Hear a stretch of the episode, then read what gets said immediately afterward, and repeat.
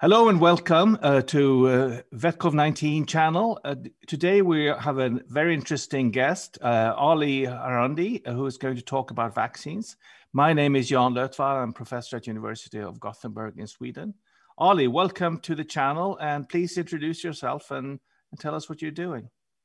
Thank you, Jan. I am Ali Harandi. I am a docent and um, head of vaccine evaluation research lab at Sahlgrenska Academy in University of Gothenburg. Um, we have been doing vaccine research for the past um, 20 plus years, and um, I'm happy to be um, in your program. Looking forward to the discussion. Thank you, Ali. We met a little bit by accident uh, uh, by via the internet, via cyberspace last year when my lab was starting to develop a, a vaccine candidate and uh, uh, I reached out to you and tried to learn a little bit more about vaccine development. So you've been involved in vaccine development for for many years, and and there's been some very rapid vaccine uh, developments happening over the last uh, year from many different companies. But could you just explain what hap- how a vaccine, a first vaccine against a disease, is is developed, the time span and the complexities that that includes? Uh, traditionally speaking, vaccines were um, developed um, through a very empirical approach. Uh, and if you go back to old days, um, Louis Pasteur um, way of thinking for making a vaccine was following the guideline of 3I, meaning isolate, inactivate, and inject it was a very simple procedure that um, you see what is the bug responsible for the disease, isolate it, inactivate it by heating it up or later on autoclaving the bug and then injecting to people. And surprisingly enough, um, has proven to be a very efficient way of making a vaccine. And uh, nowadays we have um, a lot of traditionally made vaccines that are based on uh, empirical approaches. Uh, later on, by the emergence of new pathogens and uh, the fact that um, uh, traditional ways of making vaccines were no longer um, efficient in providing immunity, um, people started to think about rational design of the vaccine or engineering vaccines so that we know exactly what we're doing.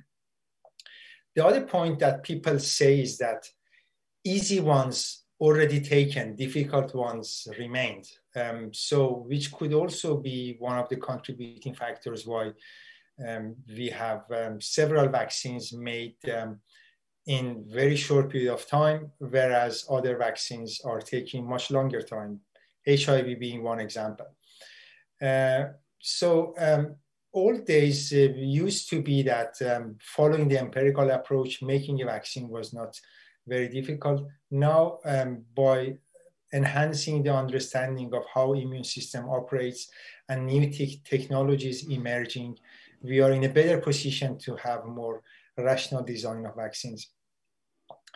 Uh, if we uh, discuss how vaccines are made today, uh, it's a very long procedure.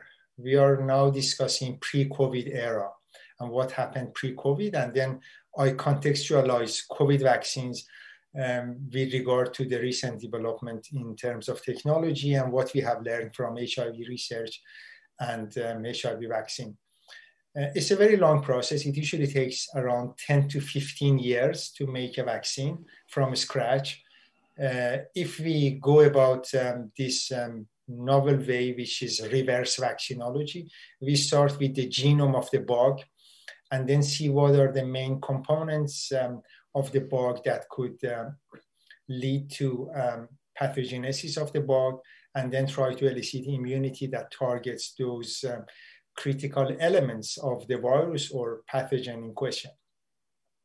So um, the procedure is that uh, we define what components of the bug, in this case virus, is to be targeted, and then making the vaccine using the available platforms old days it was inactivating the virus. Later on, um, we have seen the technology through which we can passage the virus repeatedly so that the virus loses the virulence factors, so it becomes not harmful to the body, but at the same time, it can replicate and it can activate an immune response, which um, turned out to be very efficient and very protective. One example of a very successful vaccine based on live attenuated is the yellow fever vaccine, which is one of the best vaccine that we have.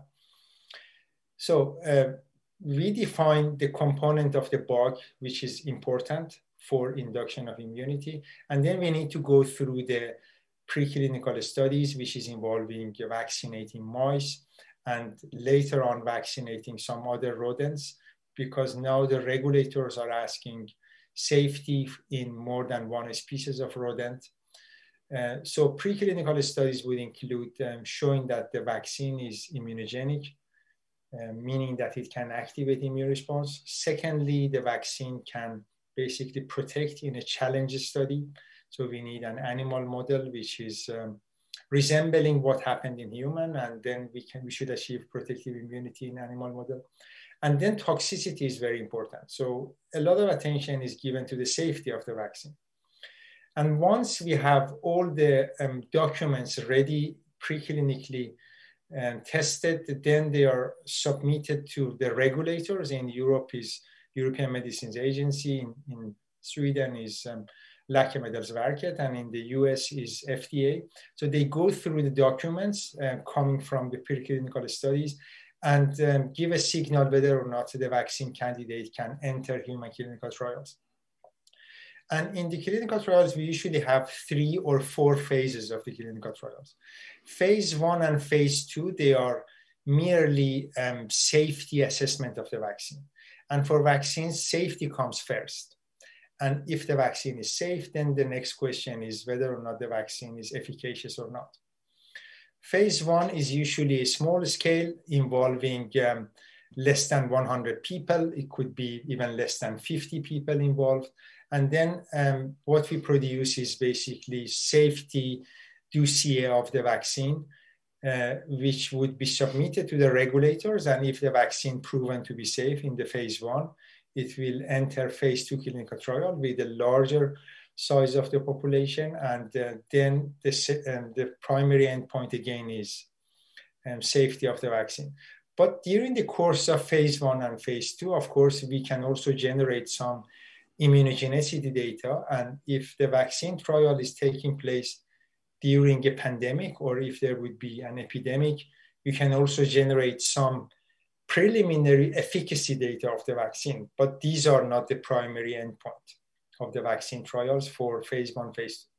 And if phase two is a success, then um, regulators, if they provide green signal, then you can do a phase three trial which is um, evaluation of the efficacy of the vaccine, uh, in which you are um, dividing um, vaccine recipients or participants into two arms. It could be more arms, but in general, you have one vaccine arm, you have one placebo arm.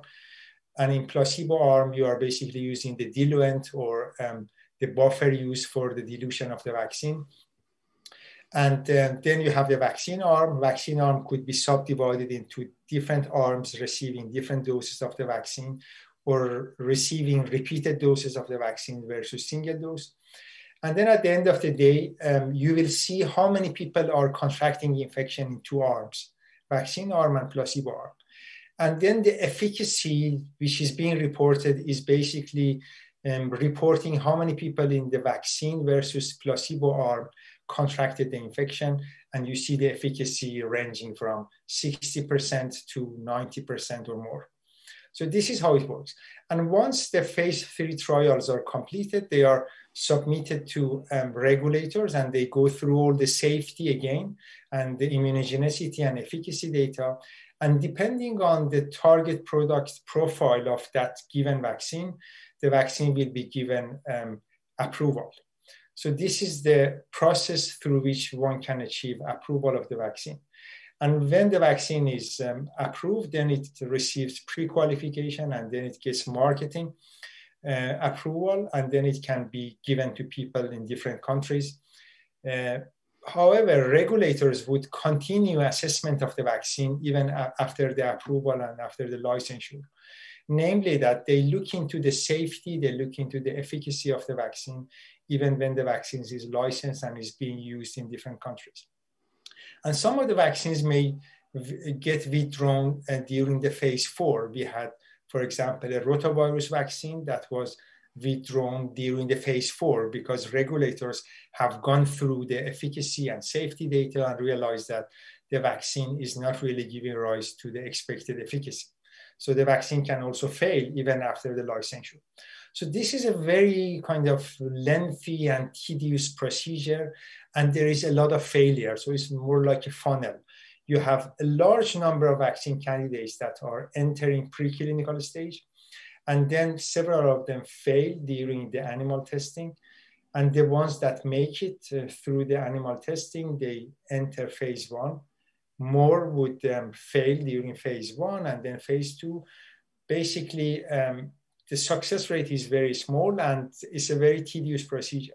However, regulators, in particular FDA, puts um, forth um, a new way of um, approval and it's called emergency use authorization. During the pandemic, um, some of the vaccine candidates, if they show certain level of efficacy and of course if the safety profile is acceptable they can receive emergency use authorization. Namely um, um, the vaccine can be given only during the pandemic only during the emergency. When and when the emergency is over the vaccine has to go through the full approval. The example of which is covid vaccines. Before covid we had um, ebola two ebola vaccines received emergency use authorization. And when emergency is over, you cannot use the vaccine in any countries. So this is the reason, for example, that Merck, which is behind the Ebola vaccine, uh, is now um, asking for the approval of the vaccine, even though the, the, vaccine has been given in West Africa. So this is the procedure. Um, now we are reaching the era of COVID and what happened with COVID that in nine months we had several vaccines being uh, authorized, not approved. So th- we have to make distinction between approval and authorization. So uh, people ask the question, what happened with COVID? I mean, you say that things take a lot of time. So how on earth you can make several vaccines authorized within nine months? So I think the answer to this question is uh, number one, we have to remember that uh, technologies uh, that used for developing COVID vaccines uh, in particular, we have adenovirus platform and we have mRNA platforms that are uh, used for the authorized vaccines. So there are a lot of research um, done before, way before um, COVID pandemic.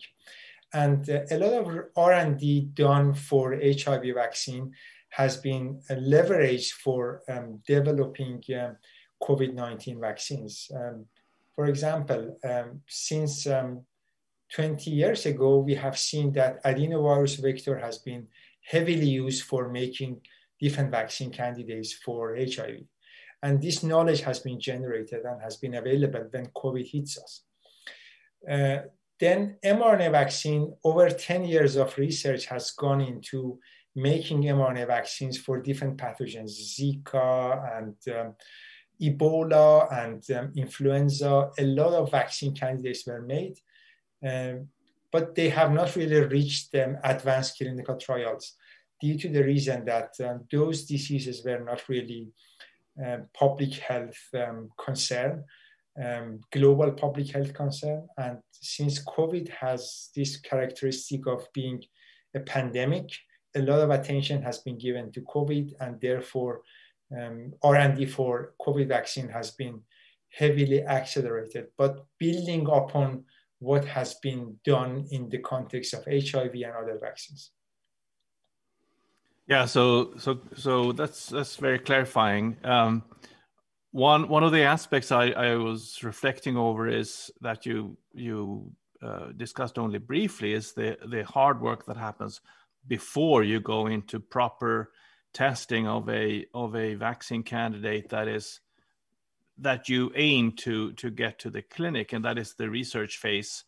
Uh, first, um, designing it, and then testing it in mice, and then testing making making possibly multiple different variants of the vaccine before you can go forward and, and pursue work. And, and I've realized that in our own research, the collaboration we have ongoing, that uh, the very first version we we made was not was efficient in making some viral uh, antiviral antibodies, uh, but not sufficient uh, concentration. So we're redesigning the the approach and and and it's it's becoming uh, more effective. Uh, the vaccine candidate is looking looking more promising, but it takes actually years. Just that discovery phase also takes years. And then you have the drug development phase that takes multiple years, uh, usually. And you have to develop, uh, of course, a process, a very clear process of how you make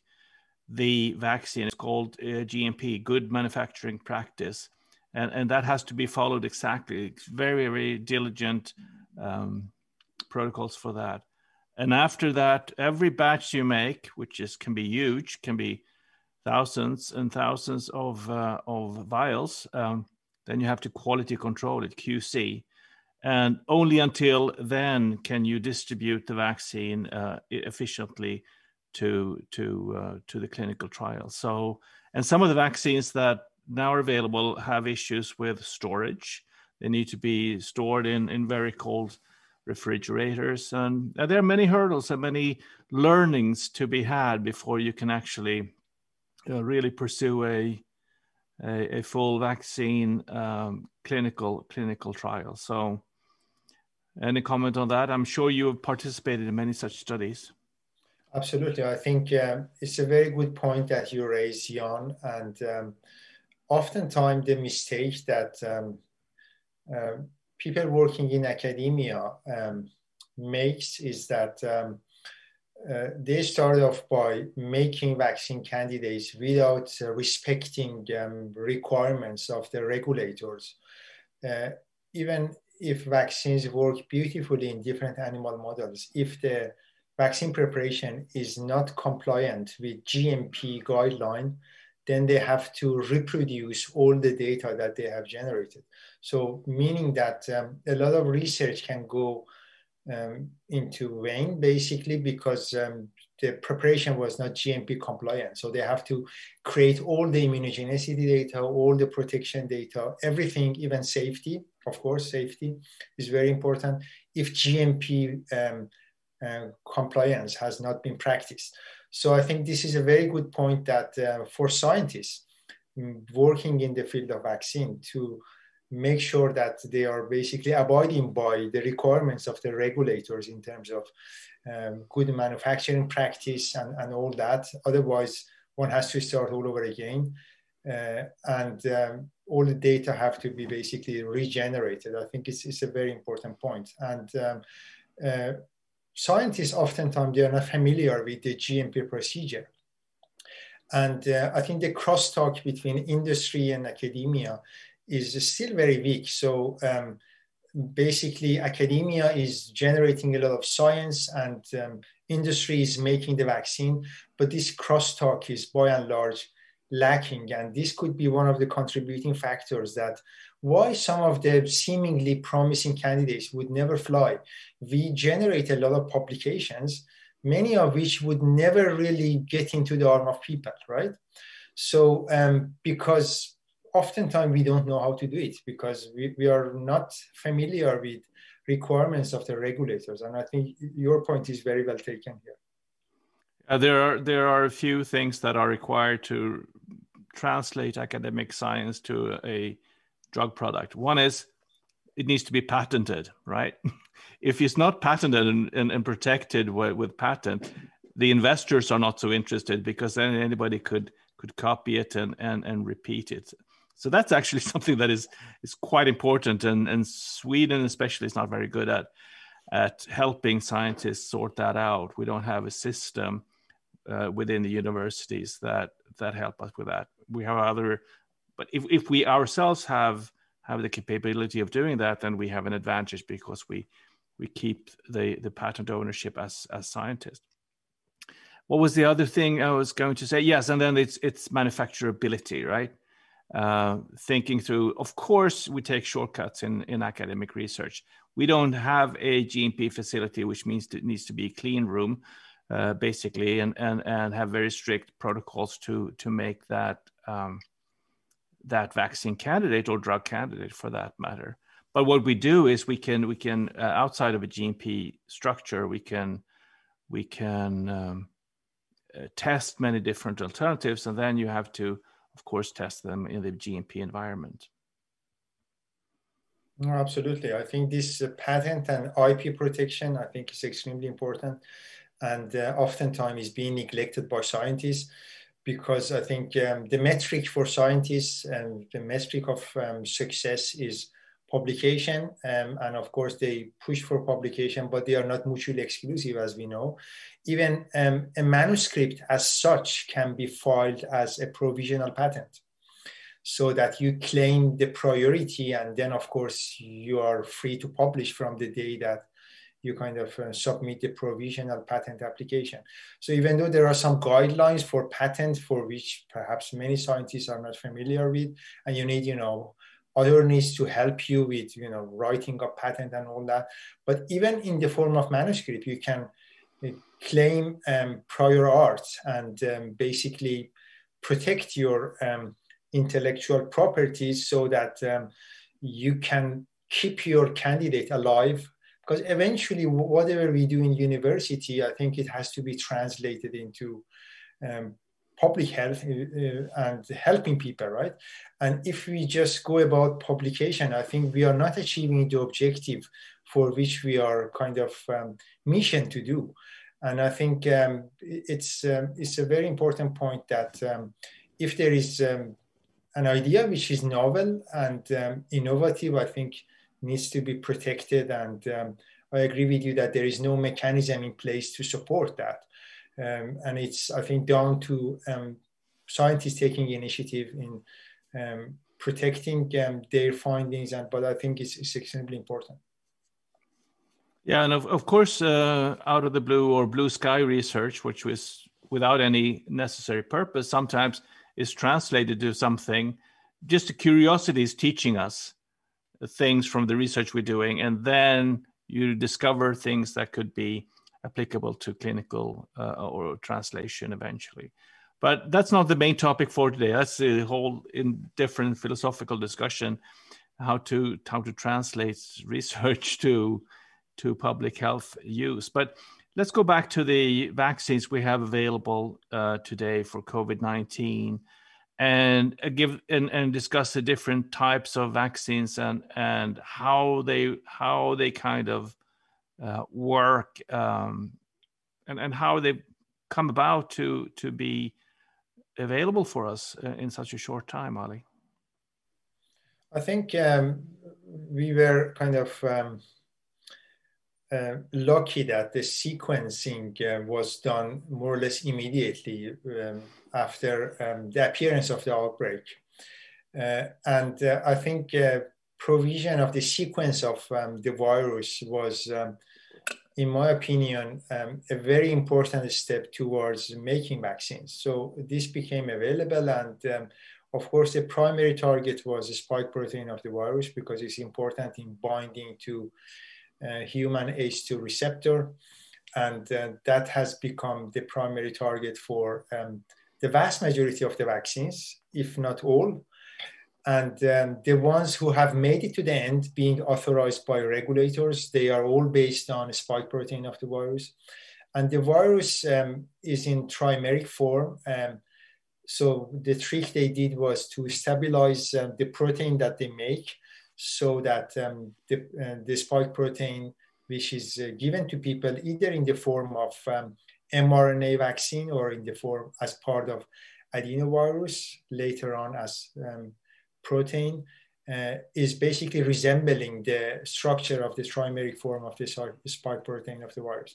So attention has been given to the spike protein. So there are some pros and cons um, by um, this approach. The pros, of course, is that you are preventing the virus from the attachment to the um, to the receptor on the surface of the human cells. But then, and this um, component of the virus is uh, very much uh, mutation prone um, for obvious reason. Viruses um, mutate in every cycle of the replication. And many of the mutations are completely nonsense to the virus. Um, and uh, it's not giving an upper um, hand to the virus in terms of um, binding to the target cell or um, basically enhancing the transmissibility of the virus. So they are not really staying, but those that are giving an upper hand to the virus, they accumulate. And the constellation of those um, preferential mutations would lead to the um, emergence of uh, variants of concern. We have thousands of variants of SARS-CoV-2, but only a handful of them are termed the variants of concern.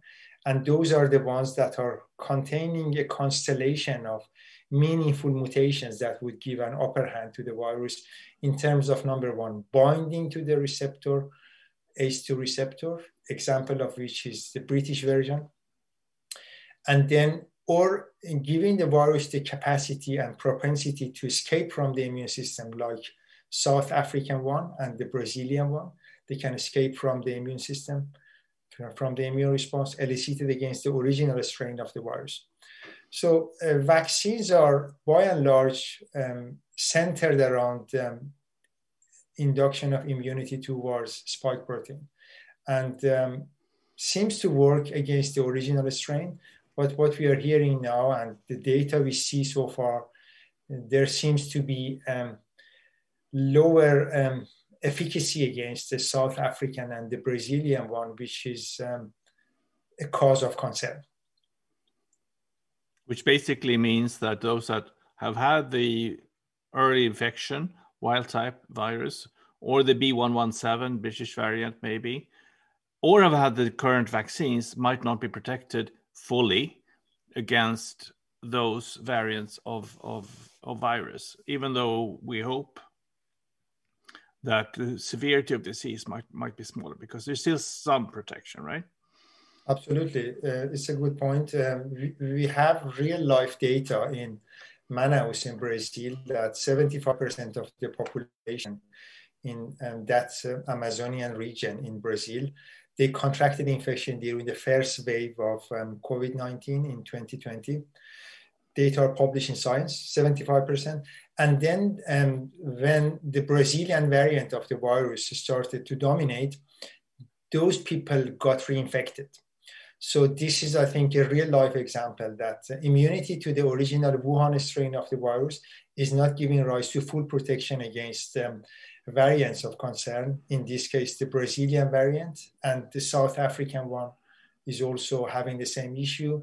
Less of a problem with the British one. It seems that um, prior infection with the Wuhan strain can achieve, you know, very good uh, level of immunity against the British variant. Same problem, um, I think, concerns the vaccines that are made um, on the basis of um, the genome of the Wuhan strain. And the data we have seen is that um, it could be um, several fold reduction in um, the capacity of the vaccine induced antibody response in neutralizing the South African and the Brazilian one. So I think the concern is real not only for those who have already contracted the infection, but also for those who have received the two doses of the vaccine.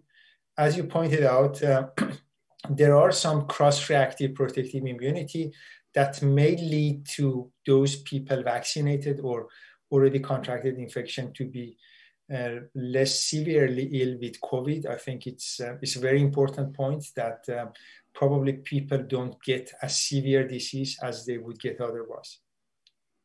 But the, the, the whole goal with vaccination is to achieve what is not possible with infection, in my view, which is herd immunity. Now, if if people still get infected, not get that herd immunity um, component because you will still be infectious. Perhaps not as much as you were if you were not inf- um, vaccinated, but still, you would you would allow the virus to replicate in you, and you would by have the risk of, of, of spreading the virus to other people. Absolutely. I think herd immunity is um, it's more like um, back of the envelope calculation when they say 75 80% of the population should be either immune through prior infection or through vaccination then you can achieve herd immunity meaning that you can cut the transmission cycle of the virus in the community or in the society so i think it's um, the number um, is um, very kind of subjective i can say because it depends on which variant is um, the dominant variant in the in the population because the transmission rate of different variants vary. And also the age of the population. There are a lot of confounding factors um, that should be considered when we are discussing herd immunity. But i think um, the objective of herd immunity is to reach the stage that the virus has little chance of transmission uh, and now we are seeing a race between um, the new variants and development of herd immunity and vaccination rollout. Uh, so I think um, we can say that if the speed of vaccination is much higher, now in Sweden, um, only 8% of the population uh, over the age of 18 has been fully vaccinated. Only 8% is very low. Um, over 20%, of course, um, receive the first dose. So with the speed that we have now, we cannot basically achieve herd immunity anytime soon. We are giving more chance to the virus to make more variants, and we give more chance to the variants of concern to dominate.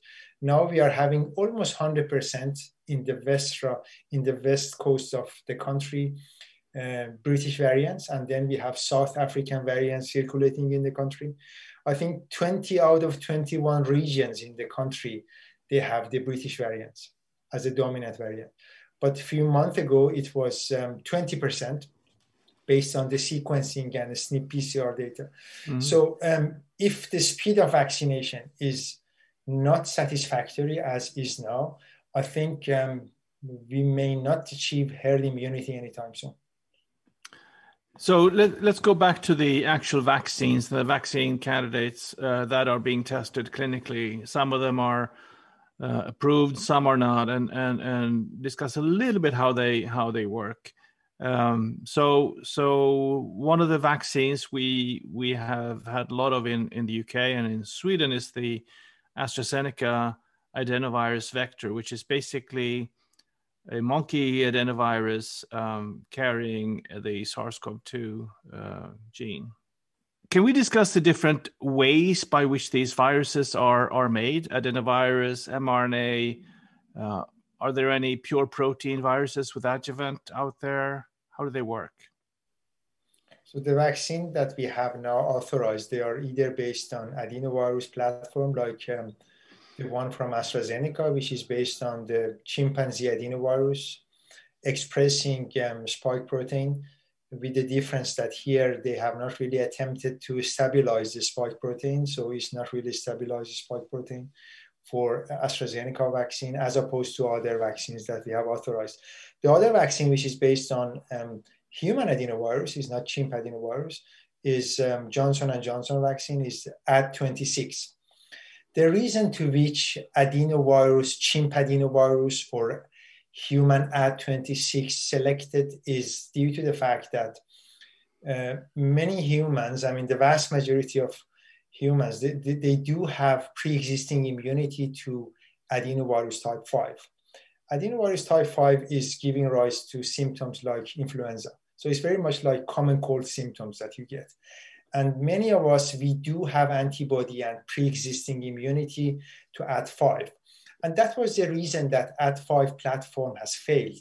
It was a big trial, it's called a STEP trial um, against HIV, in which they used adenovirus type 5. And due to this problem with um, pre existing immunity to Ad5, um, they found out that vaccinees contracted more HIV infection in comparison to placebo because apparently this pre-existing immunity to Ad5 helped the virus to gain access into the target cells. So those companies, Oxford and also uh, Johnson and Johnson, Oxford AstraZeneca, uh, so they um, went for after the ones for which we do not have any pre-existing immunity. Of course, we haven't seen chimpanzee adenovirus in our life, and even in areas in Africa where people live next to chimps, I mean, because they are in Amazonian area or whatever, uh, in other places where they are in close contact with non-human primates, they don't even have pre-existing immunity. it was a very smart move to kind of circumvent the problem of pre-existing immunity. And for human adenovirus 26, oftentimes people do not have pre-existing immunity to Ad26. That was the basis. So they said, okay, we use adenovirus for which we have no pre-existing immunity, and then we basically make it transgenic so that it can present spike protein to the immune system. And since the virus has the propensity of um, insulting the immune system, because in order to initiate an immune response, which is providing protective immunity, we have to insult the immune system. If we are going out with just recombinant protein of the spike protein, we would never achieve immunity because our immune, immune, immune system is evolutionary designed to respond to respond to um, insult that comes from the environment. It could be the bugs or, or whatever, you name it. And but those adenoviruses, they have the propensity of activating immune response because they are seen as a non-self. And when they are activating immune response, immune response is activated not only against the component of the adenovirus, but also against the, the spike protein that is expressed. So this is the basis of the adenoviruses that we have. And then we have a third vaccine, which is being reviewed by European Medicines Agency now. And this is the Russian vaccine, Sputnik. Sputnik vaccine is uh, a dual vaccine based on Ad26, similar to Johnson & Johnson is the first dose.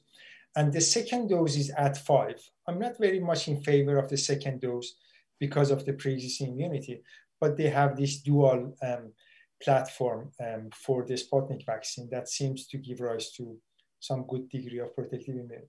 So this is the package of adenoviruses. And then we have uh, mRNA vaccine, which is based on basically stretch of mRNA, um, which is designed to produce um, trimeric prefusogenic form of spike protein inside the body. So basically, mRNA platform is using um, is taking advantage of the protein machinery of human body in order to make the protein inside the body.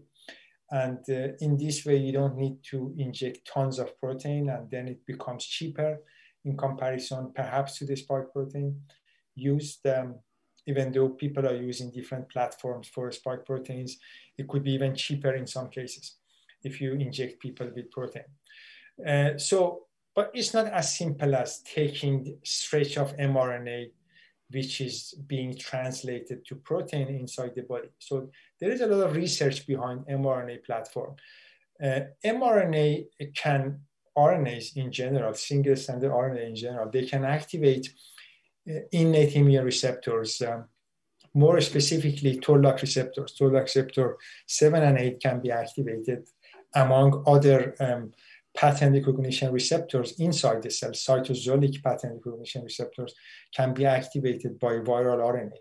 And this is a cause of concern because you give RNA to cells in order to give to um, translate it to protein and induce immunity, but um, in, in turn, you would get a lot of inflammatory response, which is dampening translation of the protein. So that was the problem. And then also safety problem. You give, you know, tons of mRNA, which is activating um, innate inflammatory response, and then you may end up getting a cytokine storm that you get basically. So the trick they made was to uh, eliminate those um, motif in the single-stranded RNA, which is responsible for activation of innate immunity. What they did was to take away uracil and replace it with a pseudo-uracil, which is um, less inflammatory. At, at the same time, they introduced a lot of C and G into the motif. They replaced um, nucleotides with C and G without changing um, basically the motif in terms of um, being translated to different amino acids. But uh, they kept the sequence of the amino acids, but put in a lot of C and replaced the U with um, pseudo U so that um, you can achieve less inflammatory response and you can achieve much higher um, protein production. So this was a trick that they have done, and this 10 years of research that has taken place way before um, COVID hit us. Then RNA is very kind of um, subjective to degradation because it's uh, not protected by any means. So they had to encapsulate it into um, this lipid nanoparticle, and this is also many years of research because they tried a number of um, platforms in order to prevent the degradation of the mRNA, and they came up with the lipid nanoparticle. Lipid nanoparticle number one is protecting the, uh, the mRNA from degradation, and number two is extremely important for giving the mRNA um, access inside the cells. And third, we learned that it's also serving as an adjuvant because it's a little bit inflammatory.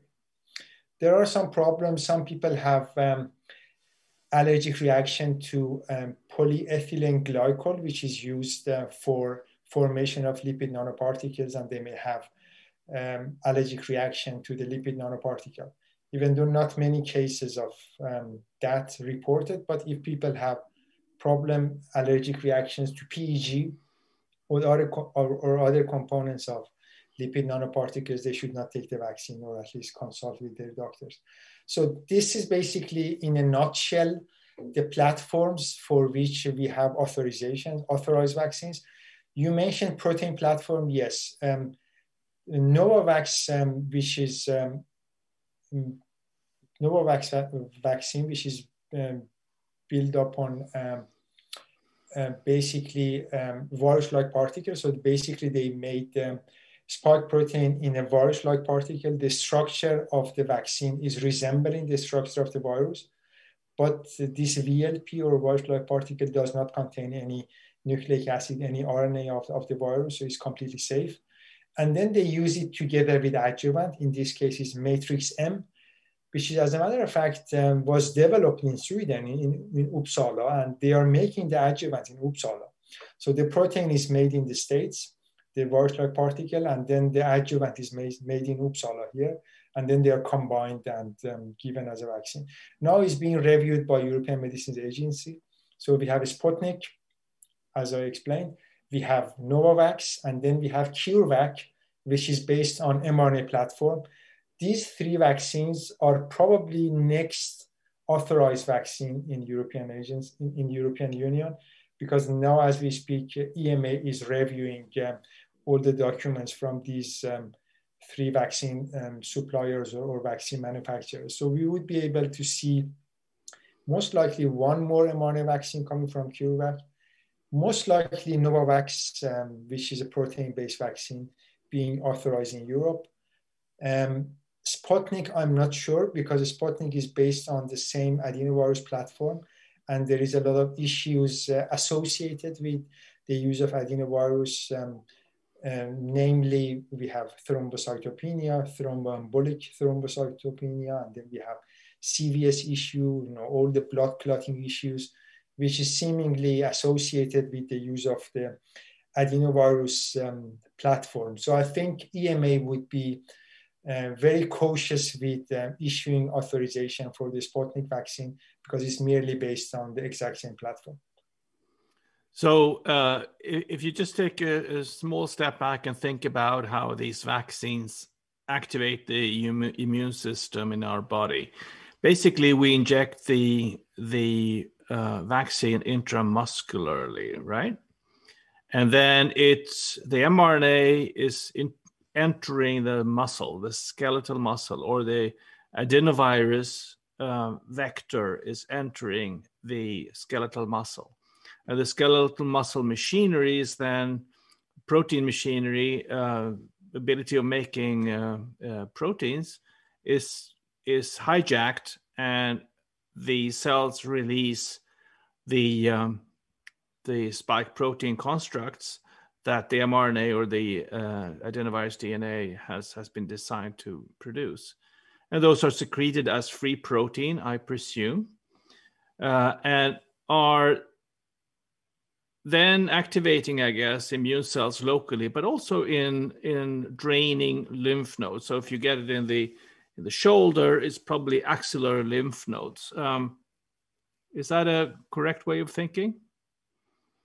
Absolutely. I think this is the way that uh, we get production of protein. And um, of course, the question is how the immune system would um, be um, activated after uh, production of the protein. So I think those platforms, they are relatively inflammatory, adenovirus and also mRNA because of the lipid nanoparticle, even though they attempted to minimize the inflammatory propensity of those platforms, but they are still inflammatory. And we should keep in mind um, for uh, a vaccine to work, we need to um, have some degree of inflammatory response. But the difference here is that the inflammatory response has to be uh, transient, it has to be short lived. So we cannot afford to have cytokine storm.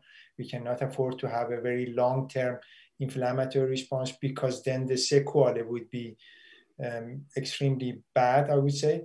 So, what is the target of the vaccination is to uh, achieve inflammatory response, which is relatively localized and relatively short-lived. And this is exactly what is happening. So we have adenovirus, we have mRNA, as you explained. Protein is being um, trans, um, being expressed and secreted because they are made to be secreted.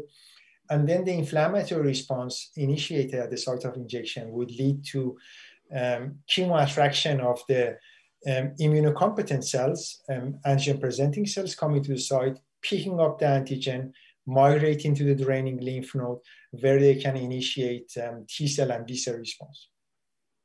Exactly, and that's where we get the antibodies produced. Uh, that in another parts of the body uh, from from the B cells uh, and plasma cells. B cells evolve to plasma cells. So if uh, I, I haven't really looked into the protein vaccine now that might be coming, but they don't need to be uh, injected intramuscularly, I presume, because the muscle is not a. It, could could they just as well be given in subcutaneously to there meet the immune cells and there be transported um, by antigen presenting cells to the draining lymph nodes? It can be given. We have um, we don't have that many vaccines given um, subcutaneously, but we have a lot of vaccines based on recombinant protein given through the muscle. So basically, uh, what happens is that you give recombinant protein in conjunction with an adjuvant. And uh, oftentimes you use alum, which um, through different mechanisms can activate innate immunity. By and large, um, basically um, inducing um, apoptosis and necrosis. When we give alum, it kills um, myocytes basically. And uh, by apoptosis and necrosis, you can initiate innate immune response, innate immune cells coming to the site, and then they can pick up the antigen and um, migrate back to uh, migrate to the regional lymph node where they can start an immune response.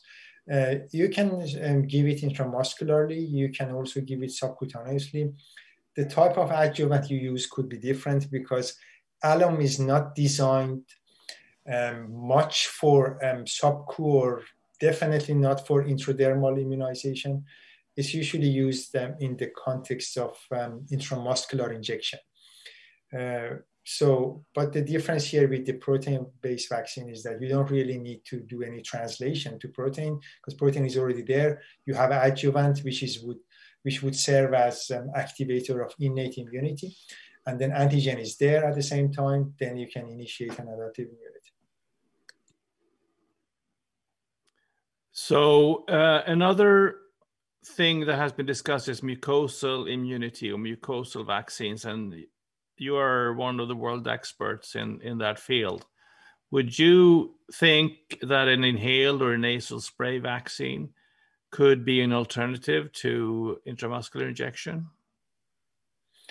Um, thank you for the compliment. I don't think I am, but uh, I, have worked a little bit. I have some interest in mucosal immunity, and I think um, it's very interesting and it's very sad. I can tell you why. Uh, we, we, wrote an article, um, no, it was a book chapter a few years ago, and I have a reason why I raised this um, here. Uh, and uh, that forced me to go through some old literature and some new literature. And um, I called it um, history of um, failure because um, mucosal immunity is extremely important, as we all know. The vast majority of human pathogens, they take the portal of entry through the mucosa. It could be respiratory tract, urogenital tract, digestive tract, you name it. So think about any pathogen. So the vast majority, they come through the mucosa, right? So having mucosal immunity is extremely important because it's the portal of entry. And when we are discussing uh, prophylactic vaccines is even more important because you need um, a very kind of well-equipped army where the pathogen encounters the body, right? Uh, for that reason, eliciting mucosal immunity is very important. But there are some challenges to be negotiated when it comes to making a vaccine which gives rise to mucosal immunity because you want to give the vaccine through the mucosa. So how many vaccines do we have that are given through the mucosa? We have polio vaccines, oral polio vaccine, which is not practiced in Europe, is not practiced in rich countries, it's only developing countries. Used to be practiced here in Europe, but um, many years back stopped because of you know um, adverse events and all that.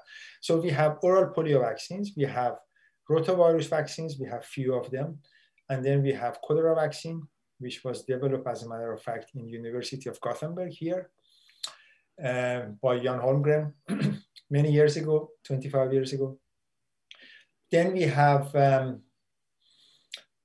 other vaccines that we have. I'm just trying. To, the other mucosal vaccine we have is um, the FluMist, the nasal influenza vaccine, which is a live cold adapted influenza.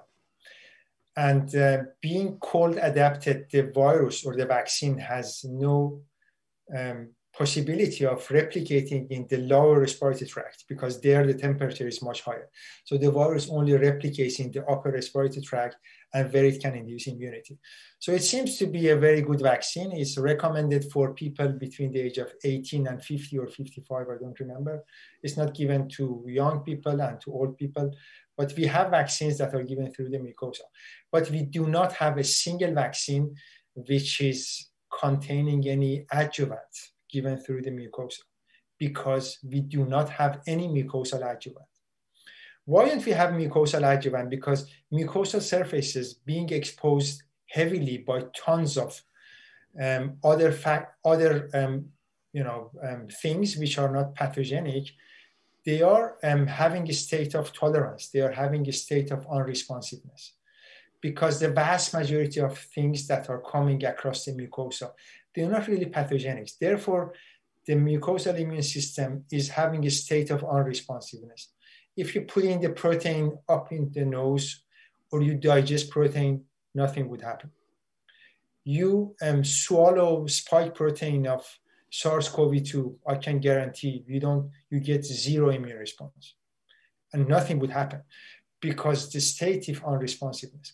So you need to use an adjuvant when it comes to the mucosal immunity. And the problem is we don't have uh, a single mucosal adjuvant approved for human use.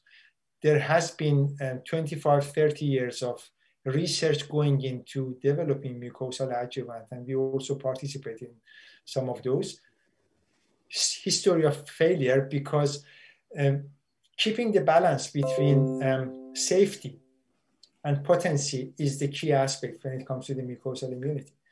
And oftentimes, when we are too safe because of the state of unresponsiveness, adjuvants have no potency.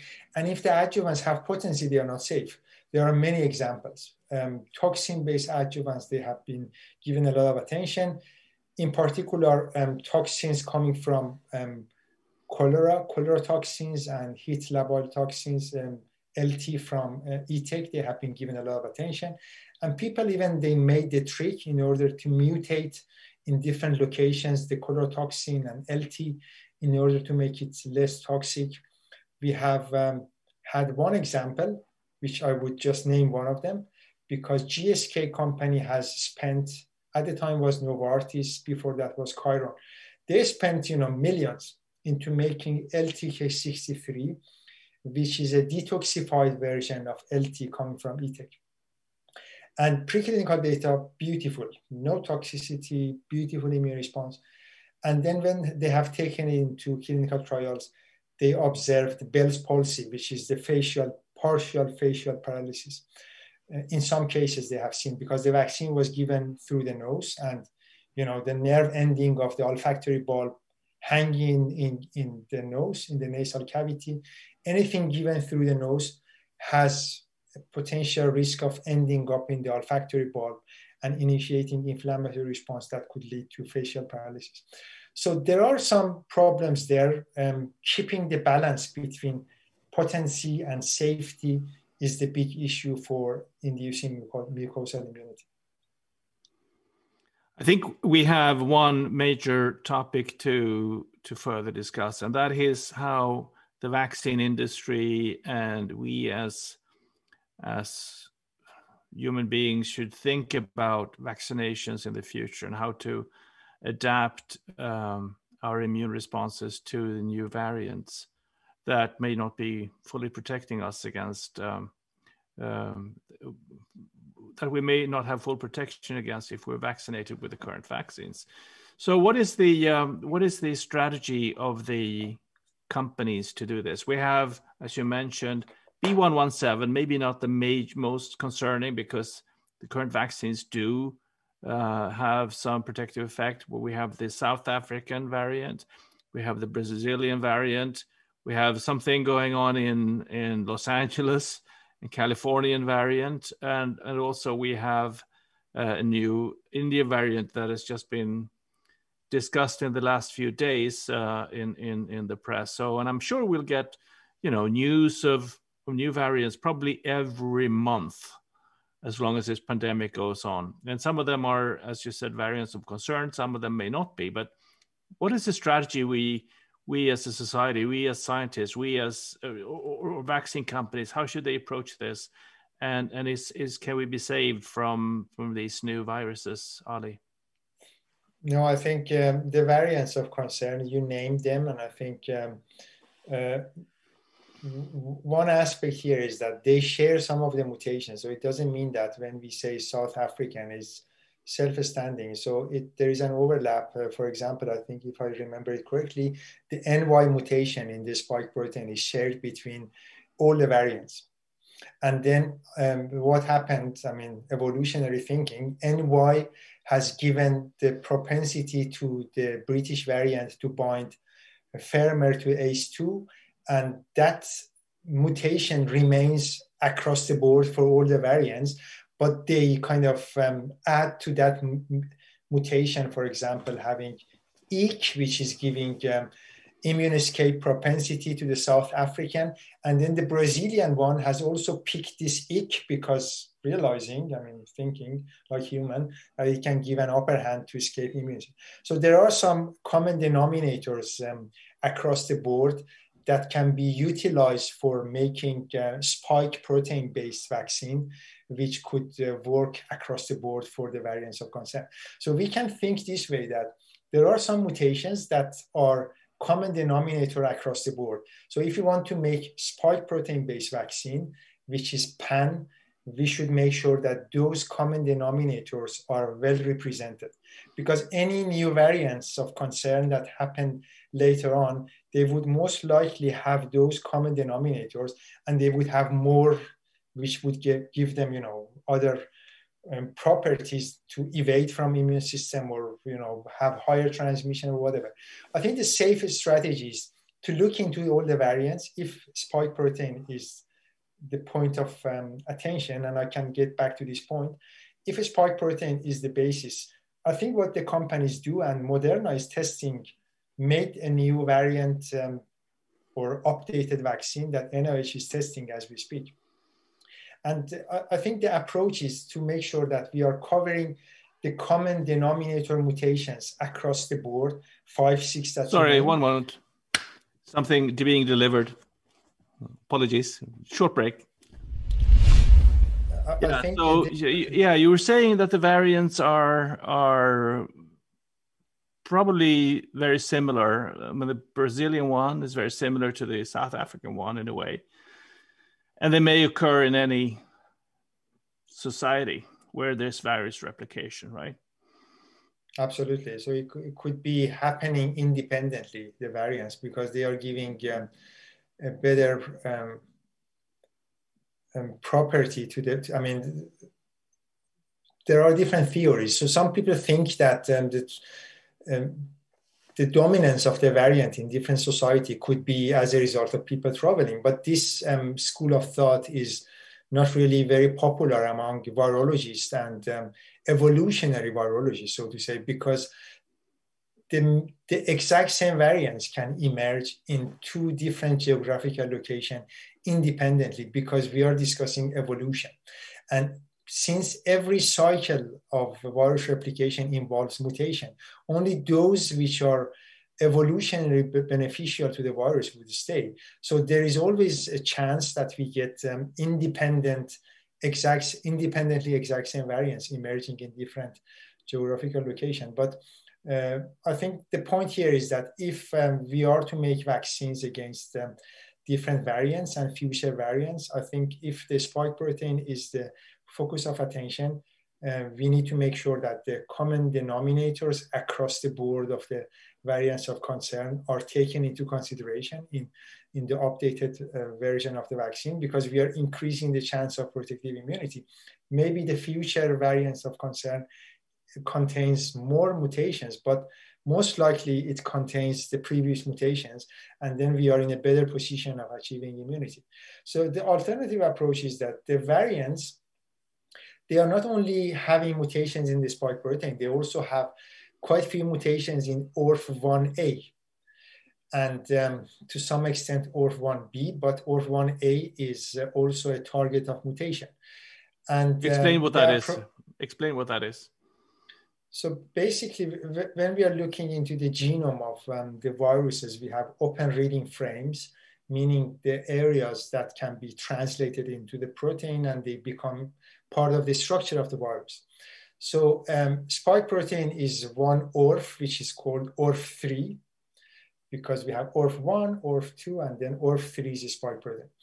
So the first component of this open reading frame is also a target of mutation. And uh, in order to have um, a vaccine against COVID that can take care of all the variants, it's probably more safe to deal with the entirety of um, the proteome of the virus and not only concentrate on the spike protein. So what people are working on as, at the moment, and um, I'm also helping a couple of them, is to basically um, look into the entire proteome and through the in silico analysis and having machine learning and deep learning, uh, try to define some putative um, epitopes that could be the target of the immune system. And those epitopes, of course, you can see if they have any functionalities in terms of the pathogenesis of the virus. And design a vaccine which is a comprehensive uh, constellation of all the components of the virus. So if there would be mutation here and there, you are so um, comprehensive that it doesn't really matter. Because let's say there would be a lot of mutation in the spike protein, but you have some other components that could contribute to the immunity. And this is the concept of um, making a pan coronavirus that can cover basically all variants of concern. Uh, spike protein could be a little bit risky, but if you want to do a spike protein, I think we should go for the approach that I explained. But including other components of the virus, I think would give um, more chance to achieve this um, um, broadly protective immunity, so to say. Yeah. So I, I, I conceptually a a whole virus that contain all the components could potentially be a, a, a, nice a nice vaccine. And some of the components do not mutate as much. The M protein, uh, for example, does not, if I understand correctly, does not mutate as much as the spike protein, which is very dynamic and can even mutate within one individual over time, change its characteristics. Uh, the the one concern I have whether this would work or not is that wild type infection in Manaus, for example, did not protect against the next variant, even though they potent, I presume had antibodies against the N protein, for example.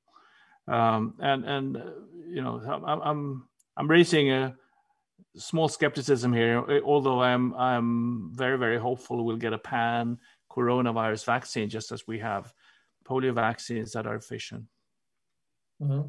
No, I think uh, you, your point is well taken. There is no guarantee if we are targeting the entirety of, of the bug, uh, the virus, uh, we achieve full protection against all the variants of concern and future variants. I think um, we don't know that yet, but um, I think um, there is one thing that I would like to discuss here, and, and this is the immune pressure, the impact of immune pressure on um, mutation of the virus. We have seen this for HIV, for mm-hmm. example. It's a, it's a fact that um, by day 2025, you have CD8 response, and uh, it takes a week for the virus to make um, escape mutants um, uh, so that uh, CD8 T cells cannot target. And then the same story is for the neutralizing antibody that there would be escape mutant.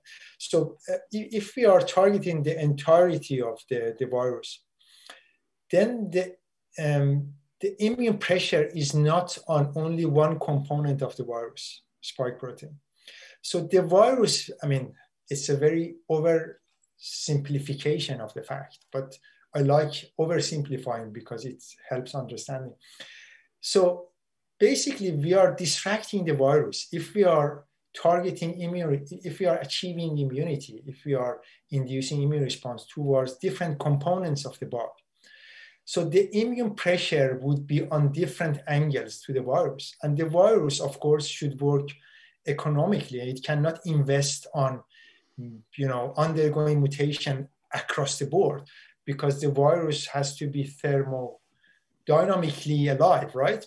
So in that sense, I think uh, it's not in the benefit, in the best benefit of the virus to, you know, address all the immune response um, elicited towards different components. So there will be a distraction and probably spread of the mutation across the board which would uh, hopefully give a better chance for achieving um, a broadly immunity. I think, um, in my opinion, it's better to speak about um, other components. I mean, look at the vaccines that we have. Live attenuated vaccines are the best. And then next to that, we have inactivated viruses. They work beautifully. They work very well because we are involving, you know, different components, and then these escape mutants have less chance. They, they, they get a lot of distraction because immune system is attacking them from different angles. And then they, can, they cannot thermodynamically speaking probably afford or economically speaking afford to undergo mutations that cover you know all the immune responses that are out there this is what i think so that would be that would be the best uh, future vaccine one that has probably uh, one of the new spike protein variants, and uh, is it an attenuated, attenuated or uh, killed virus, basically, without RNA inside? Perhaps, or, yeah. or, or, else would be to go for, um, you know, a polypeptide vaccine, which is covering, um, you know, the important component of um, other proteins, which are immunodominant and play some role in protective immunity. It could also be um, a cocktail of mRNA vaccine, which is um, covering spike protein, M protein, part of the ORF1. We can use cocktail. I don't see why not. I mean, you can um, do the exact same thing as you do with the protein with mRNA vaccine to use a cocktail. And I know that, for example, in China and in other part of the world, they are doing clinical trial based on live attenuated SARS-CoV-2, doing clinical trial based on, I mean, inactivated. We have a vaccine we have inactivated vaccine in China, right? Sinopharm vaccine is yeah. inactivated vaccine, even though the efficacy is not that high. But uh, there are tricks you can combine it with a good adjuvant. You can have one thing we haven't touched upon is to use a heterologous um, approach. Uh, so that in priming you are using one platform and in boosting you use a different platform. Sometimes you are forced to do that. For example, here, two, in, in this country, in Sweden, 200,000 people received the first dose of AstraZeneca vaccine below the age of 65, 200,000 people received. And folk Folkhälsomyndigheten and the public health agency of the country a month ago decided to um, just give the vaccine, the AstraZeneca vaccine, to people 65 years and older. 200,000 people already received the first dose. So what we do with them? So they decided to give them Pfizer or Moderna. Here they say we give two doses. In Germany, they say we give one dose. I think Germany approach is, is correct because now we are dealing with the shortage of supply and it's not wise to give two doses to people and vaccinate less people. I mean, this is a different, I think, discussion that we can have. But um, I think um, now we are forced to do this prime boost approach, heterologous prime boost, because 200,000 people here and many elsewhere, they already received AstraZeneca adenovirus. Now they receive mRNA. We have a chance to see how this heterologous prime boost would perform. And I can tell you that it most likely performs better than um, using um, you know same technology across. Uh, but we will see more data coming along very soon, I guess, from um, forced trials. But Oxford is doing um, a well-designed trial in which they are combining um, uh, Oxford vaccine with Pfizer vaccine. Yes, I, I, I, have heard about those studies ongoing for several months already. United Kingdom uh, doing different approaches, and they've expanded those studies and get information in a month or so. So, so right now, what's happening right now, Ollie? So, I for for Moderna or for Pfizer uh, BioNTech, it takes a few days to make a new mRNA construct to target another variant, and I presume that those are already being tested in in clinical trials. How, um, firstly, what do you know about that? And secondly, how extensively will those be tested, and when will they be available for for clinical application? Moderna, uh, the, the, Moderna vaccine, the updated version, is being tested by NIH now, and the expectation is that by June we have the data from this updated version. And I think, it, like you mentioned, I think uh, updating mRNA vaccine is not taking um, um, so much time, so it can be easily updated. Um, the problem, of course, is the shortage of supply for the ingredients of the mRNA vaccine. They could not keep the promise that they made, and this contributed to the shortage of supply in many countries, and especially in Europe, because those vaccines, mRNA vaccines, they are made in the United States, and um, they stopped the export of the vaccine. And uh, so there are some vaccine nationalism issue that one can discuss in some other occasions. But um, now there is a shortage of supply. Uh, they can be easily updated. They can be easily given to people. And one thing that we have to discuss here, I think, is that um, data, Pfizer data just published that six months um, into the vaccination, you see one um, log reduction in the neutralizing antibody titer. So um, still uh, above the level of protection, in vitro level of protection, of course.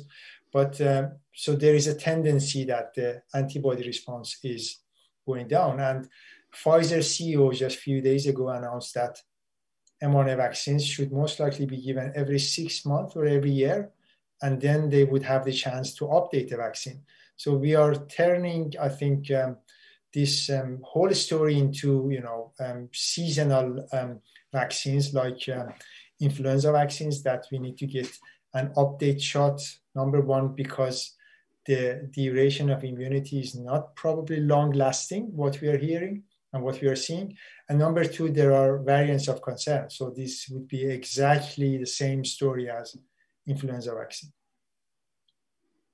And, and ideally, uh, having a, a vaccine against the current variant and then a follow up with a vaccine that that um, produces the new variant would be would be an ideal approach. Um, a lot of lot of vaccine strategic thinking going on right now, and and I think we'll we'll get a lot of lot of new data around that over the over the next few months.